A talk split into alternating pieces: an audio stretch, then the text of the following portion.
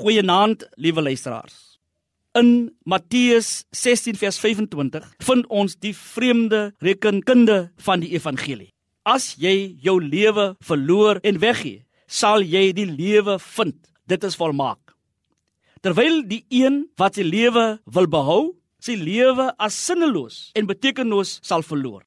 Die goeie nuus is verder dat Jesus met sy wederkoms ons sal beloon vir al die ure van opoffering en lyding wat ons vir hom en sy mense in nood deurgemaak het. Nou moet ons egter nie weer wegkyk van Christus af na ons toe nie. Dit is nie ons selfopoffering wat hierdie beloning waarborg nie. Kyk na Christus vir wie jy volg. Dit is hy, die gekruisigde en opgestane Here wat ons beloning 'n vol lewe, ewige lewe waarborg. Die evangelie in hierdie gedeelte is dat Jesus, ons Messias koning, sy werk klaar gemaak het. Die kruispad end uitgeloop het. Selfs die versoekings wat vanuit sy binnekring gekom het, oorwin het. Ons onvolmaakte werk volg as antwoord op sy volmaakte werk.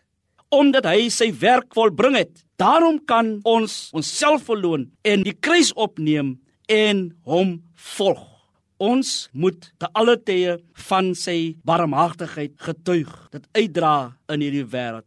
Ons word geroep deur sterf in jouself tot 'n getuienisdiens in hierdie wêreld om sy barmhartigheidswerk voort te sit, die liefde te betoon. 1 Korintiërs 13 vers 3 sê: Al sou ek my liggaam oorgee om verbrand te word en ek het nie die liefde nie, dan sou ek niks wees nie.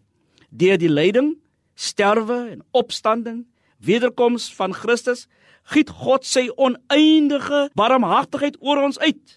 Soos hy besluit om langs die kruisweg van Christus aan ons barmhartigheid bewys, het hy ook besluit dat die weg van barmhartigheid na die wêreld deur jou moet loop, deur jou hart, deur jou gebede en deur jou hande.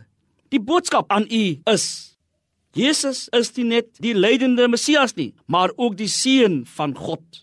Hierdie diepe geheimenis moet elke dag gevolg word en uitgeleef word deur ons optrede in hierdie wêreld. As jy jou lewe verloor en weggee, sal jy dit vind. Dit beteken dat jy dan volmaak sal wees. En as jy dit behou, sal dit sinneloos wees, betekenis verloor en jy sal nie die goeie kan doen wat Christus Jesus van jou verlang nie. Die Here seën u. Amen.